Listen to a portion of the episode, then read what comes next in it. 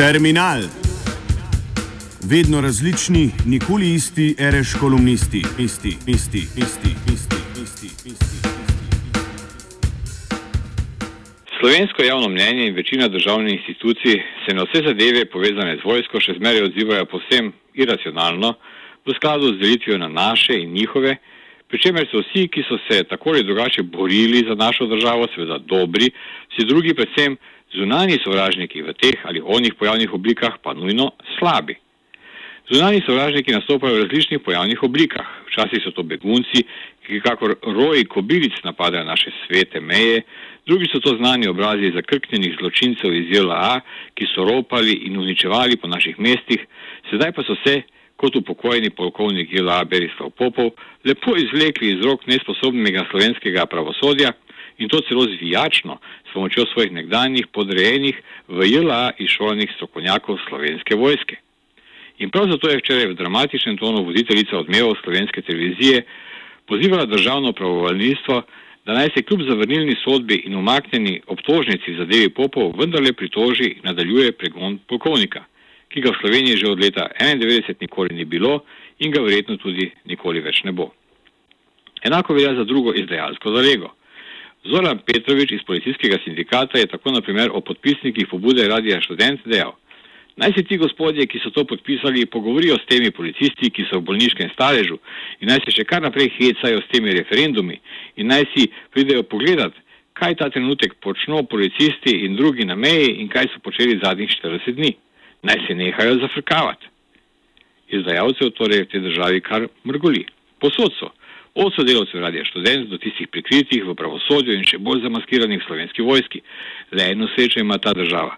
Pronicljive novinarske ume, kot so Dejan Karba, tisti, ki je svoje kvalitete dokazal, ko je dvakrat spektakularno zgrešil pri svojem novinarskem poročanju za delo o zadevah Pacija in Rode, in javni servis slovenske nacionalne televizije, ki je ta teden enako kot Karba zaradi zadeve popov z elektronskim ognjem in mečem udaril po vseh izdajalcih te države.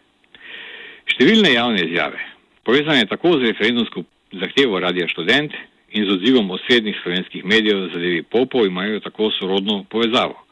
Razkrivajo tiste, ki jih ti mediji naslavljajo, neizobraženo, s primitivnim nacionalizmom prežeto množico, nesposobno racionalnega razmisleka in logične prevetritve najbolj preprostih družbenih vprašanj.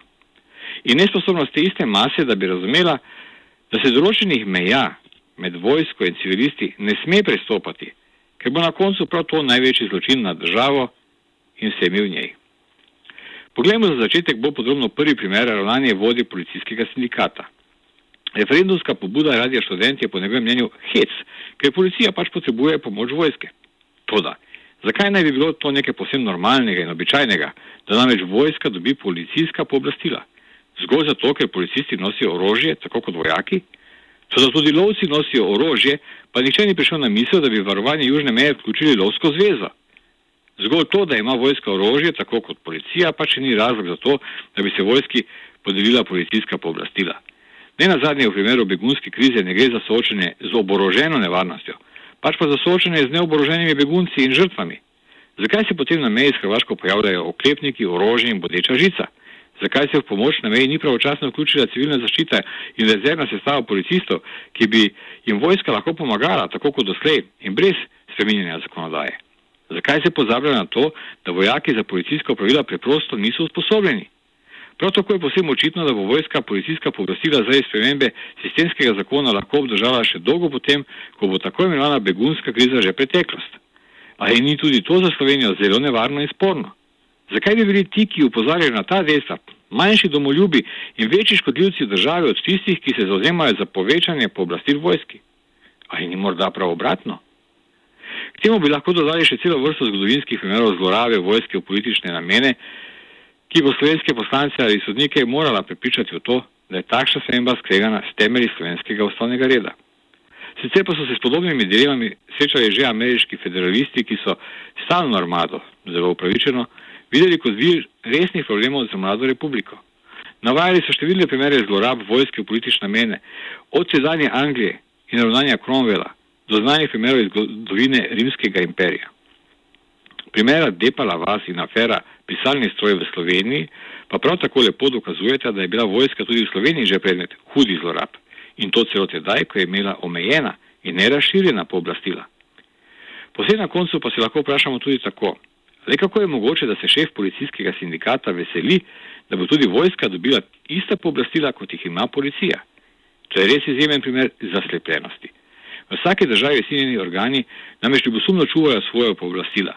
Le šef policijskega sindikata bi to, kar je posebnost in privilegij policije, rade volje delil z drugimi, konkretno z vojsko.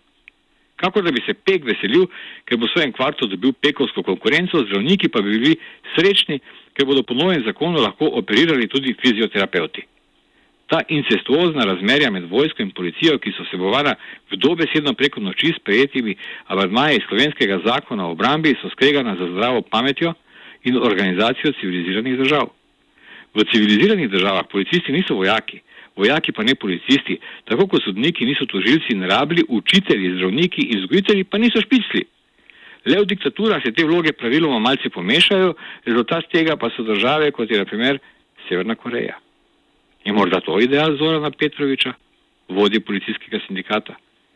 Prav zato pobuda radija študent ni nikakšno hecanje z državo, pač pa je smešno in žalostno hkrati prav nezavedanje policistov, kam pobuda vlade dejansko vodi v še večje razvednotenje policistov.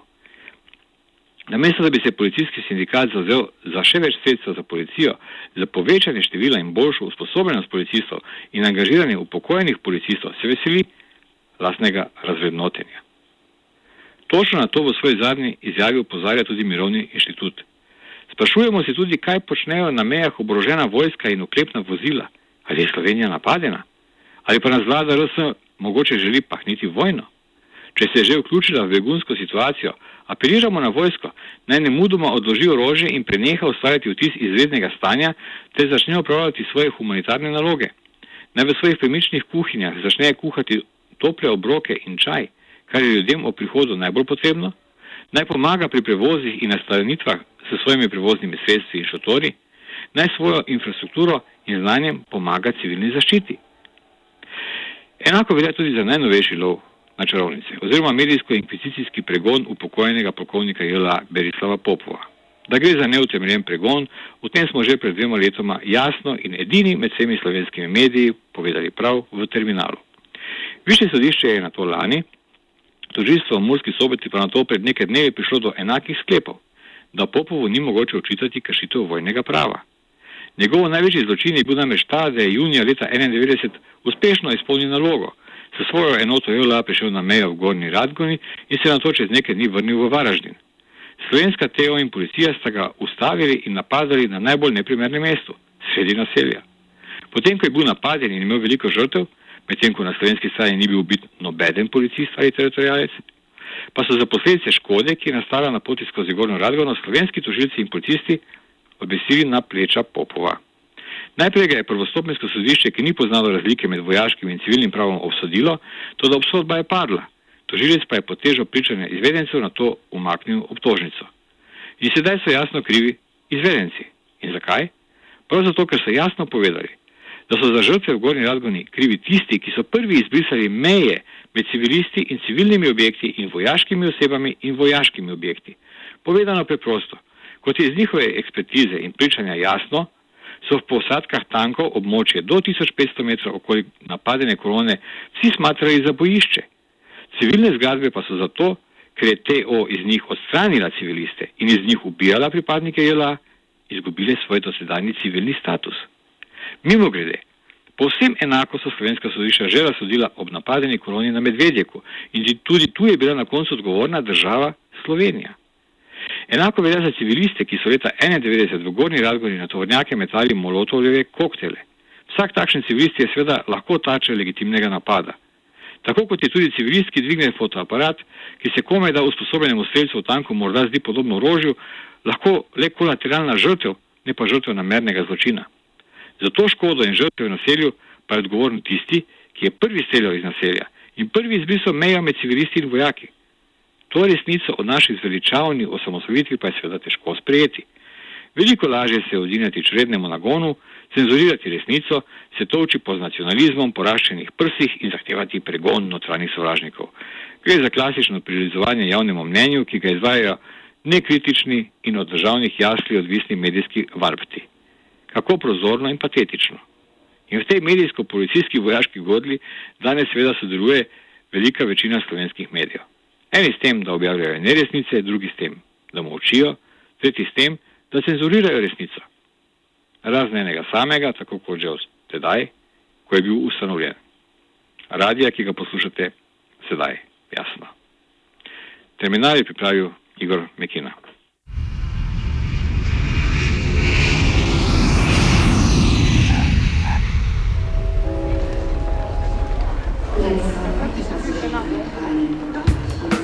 Terminal. Vedno različni, nikoli isti, reš kolumnisti, isti, isti, isti, isti, isti, isti. isti.